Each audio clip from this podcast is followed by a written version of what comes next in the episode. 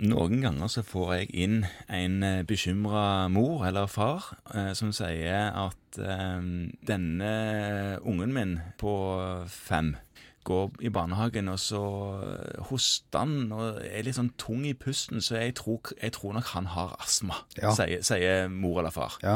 Og, og så spør de hva tror du om det til deg som legen. For det bestefaren hadde astma, og f- jeg hadde litt tung pust da jeg var ung. Allergi er der i familien og sånne ting. Så denne, det, denne ungen har astma. ja.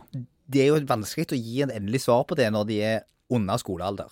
For det du kan ikke diagnostisere det ordentlig. Mye vanskeligere fordi at det er vanskelig å ta spirometri av de. Ja, for de klarer ikke å utføre det ordentlig. Nei. Så kan du gjøre noen sånne spesialistundersøkelser som de gjør på sykehus, eh, for å se på om de har betennelse i lungene sine, altså Ja. sånn eksalert NO, Nettopp. eh, nitrogenmonoksid. Det er ikke heller kjempegodt, men det går an. Ja, men men det er da jo må heller- de på sykehus og greier. Ja, Det er ikke sånn man trommer i gang på en mistanke på et barn som ikke virker særlig påvirka. Skal det være skikkelig mistanke. Nettopp. Ja. Sånn at pleier jeg å si at for at det skal være en astma, så er jo det egentlig en anamnestisk diagnose. Det betyr at du kan snakke deg fram til Du den. kan snakke deg fram til han. Da er det først om de har en familie som er en ordentlig familie. Da mener jeg ikke om det er en familie som oppfører seg skikkelig, men om det er en familiehistorie der de faktisk har ordentlig atopisk sykdom.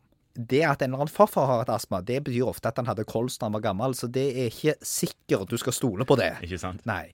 Da må du se systematisk etter om det er mye eksem, ordentlige allergier, først og fremst luftveisallergier, men også andre allergier, eller reell astma. Det går an å ha astma som man vokser av seg, men det er egentlig ikke vanlig. En spesialist jeg snakket med en gang, han sa det at hvis du har en astma som du har vokst av deg, så hadde du ikke det. Nettopp.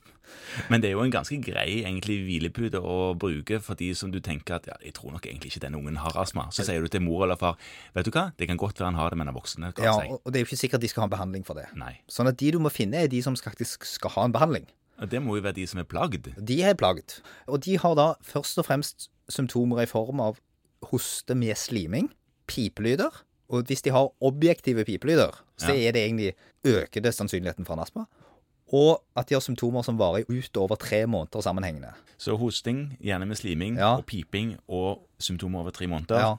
Pluss en familieanamnese som indikerer at det er atopisk sykdom, så øker det sannsynligheten. Og de kan du jo da eventuelt, hvis du ønsker det, forsøksbehandle en periode.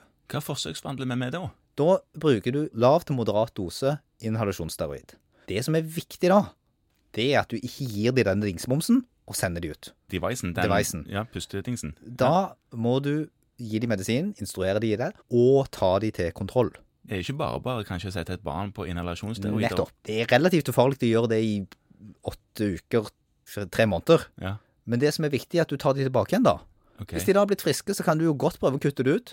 Hvis de da får tilbake symptomene sine, Ja, da er jo det nesten diagnostisk. Så da øker det sannsynligheten for en astma voldsomt. Ja. Hvis de da aldri mer får symptomer, så klarer de seg ganske greit på om de fikk inhalasjonsteroider i tre måneder. Men det viktige der er at du faktisk tar det til en kontroll og gjør en kvalitativt god vurdering av om dette er noe de trenger og skal fortsette med. Beta-2-agonister, sånn som Bricanyl og Ventolin og den type medisiner, Ja. det funker ganske dårlig hos veldig små barn. Bedre hos de litt større barna, men har egentlig ikke en sånn kjempestor plass i den daglige astmabehandlingen hos barn. Skjønner. Og det, det er litt lite sånn beta-reseptorer, er ikke det? Veldig lite. Det kommer liksom litt etter hvert. Eh, Sånn at hvis de har en skikkelig astma, og er akutt dårlige, så har de nok glede av det. Men ellers så er det liksom lave til moderat doser inhalasjonsteroid, f.eks. flutid, som er det som man bruker i dag. Og det, det, det får de på kammer, disse små? Ja. Jeg anbefaler det, for de har dårlig koordinasjon. Ja, De klarer ikke å puste og trykke og sånt samtidig. Nei, egentlig vanskelig selv for leger. Særlig for leger. Det har men, med seg det. ja, men spray på kammer til barn sånn litt opp i skolealder er en god idé. Da har man en en måte å takle disse unge potensielle astmapasientene på. Ja. Flott. Den andre gruppen av de som er vanskelige, Ja. det er jo de som har en åpenbar astma, Ja. men der mor ikke vil ha behandling. Ja, det er jo den andre siden av, Ja. eh, av det, ja. Og da er det sånn at det er ganske viktig at hvis dette er en skikkelig astma, ja. med en ordentlig betennelse i luftveiene, så bør de ha et inhalasjonsteroid. Fordi at det er ikke sunt å gå med en kronisk betennelse i lungene sine uten behandling over lang tid. Men De vil òg falle fra i lek i barnehagen etter hvert. De kan få en redusert utvikling. Og det som er viktig da, er at det er mindre komplikasjoner med å gå på, hvis du trenger det, på inhalasjonsteroider enn det er å la være. Bivirkningene av steroidene er mindre uttalte enn problemene du får ved å gå med en ubehandla astma. Ja. For eksempel så er det mange som er bekymra for at de skal bli kortvokste. Ja visst. Og det vet vi at de blir.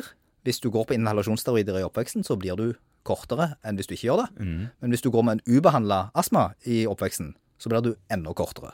Det er viktig å informere foreldrene om hvorfor de trenger denne medisinen. Da har vi egentlig en strategi for begge sider av den medaljen. Ja. Flott.